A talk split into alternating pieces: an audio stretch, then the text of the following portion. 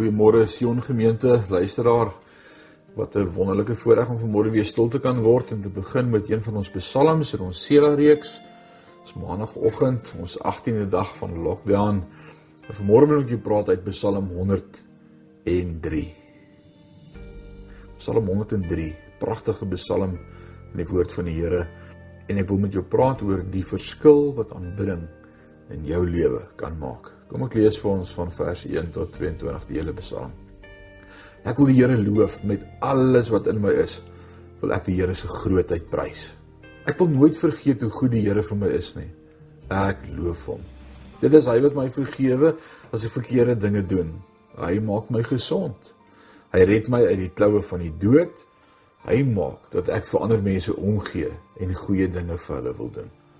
Die Here oorlaai my met al die goeie dinge in die lewe. Hy gee my arms vol krag. Hy maak my so sterk soos 'n jong mens. Die Here help almal wat onderdruk word. Hy is goed. Hy sorg dat reg aan hulle gedoen word. Dink net hoe hy vir Moses gesê het wat hy van hom verwag en hoe hy die kinders gaan help.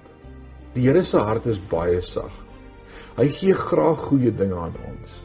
Hy is geduldig hy het sy kinders baie lief. Die Here sal nie aanhou straf vir die verkeerde dinge wat jy gedoen het nie. Ook bly hy nie vir altyd kwaad oor iets nie. Hy straf ons nie volgens dit wat ons regtig verdien nie. Hy vergeld ons nie op dieselfde manier vir al ons slegte dade nie. So ver as wat die verste punt van die heelal van ons af is, so groot en nog groter is die Here se liefde vir elkeen wat hom dien so ver as wat die verste punt van die heelal van mekaar af is, so ver en nog verder vat hy ons sondes se straf van ons al weg. Net soos ouers hulle kinders met groot liefde versorg, so versorg die Here elkeen wat hom dien met arms vol liefde. Die Here weet hoe swak en vol foute ons is. Hy weet dat ons mekaar net klein en swak mensies is. 'n Mens leef net vir 'n kort rukkie. Jy is maar soos gras wat daar buite groei. En wanneer die wind begin waai en die son begin skroei, dan hou dit nie lank nie. Die gras gaan net daar dood. So gaan dit ook met mense. Daar is geen grens aan die Here se liefde nie. Dit sal vir altyd aanhou vir mense wat hom dien vir geslagte lank. Elkeen wat hom dien en die ooreenkoms nakom wat hy gesluit het, kan op sy liefde reken. Oor die jare heen help hy mense. Die Here help almal wat na hom luister. Die Here regeer uit die hemel. Hy is die sterke een vir almal. Hy heers oor alles. Kom prys die Here, sterk engele wat vir die Here werk. Julle maak hom baie gelukkig omdat julle doen wat hy wil hê. Kom prys die Here, al julle ontelbare skares in die hemel wat hom gelukkig maak. Prys die Here almal en alles wat deur hom gemaak is. Prys hom op elke plek waar hy regeer. Ek wil ook die Here prys met my hele lewe. As die lewe begin en besig is en stresvol raak, kan sekere rotines langs die pad begin val. Miskien eet jy nie so goed meer nie of dalk is jy nie meer besig om jou huis so skoon te maak so wat jy graag sou wou nie Miskien begin jy opoffer wat belangrik is vir wat dringend is en slaan jy oor om tyd met God te spandeer of eerder om klaar te maak met die belangrike dinge in die lewe. As die lewe chaoties raak en ons nie net die stem van God duidelik meer hoor nie, is een van die beste dinge wat ons kan doen om ons te herinner aan wat ons reeds weet wat die waarheid is. Dit is wat Dawid doen in Psalm 103. Hy herinner hom daaraan om God te loof. Hy besin oor God se karakter en en en begin dan terugdink aan wat God alreeds gedoen het vir sy volk. As ons harte gewigtig raak, kom die lofprysing nie meer so van nature nie, maar wanneer ons van God se majesteit en ongelooflike werke vertel, word ons krag hernie.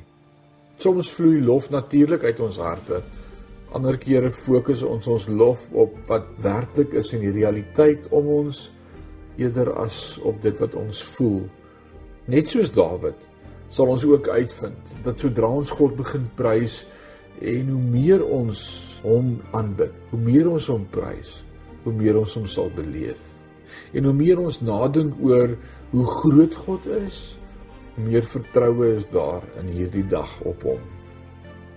As ons laat is vir 'n afspraak of of of agter is met 'n taak, kan ons die Here loof vir die geleentheid om nog te kan werk en vir die gawe om nog dinge te kan doen.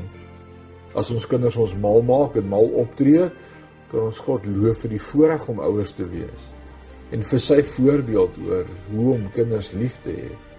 As daar lyding is, kan ons God loof vir die belofte van 'n ewige lewe saam met hom en die hoop wat ons het wat ons in hierdie wêreld ken dit nie alles is nie maar daar 'n ewigheid voor lê. Daar sal nooit 'n dag wees wanneer ons niks het om God voor te prys nie omdat sy karakter waardig genoeg is om aanbid en geprys te word. Wat jou dag ook al bring, prys die Here vandag.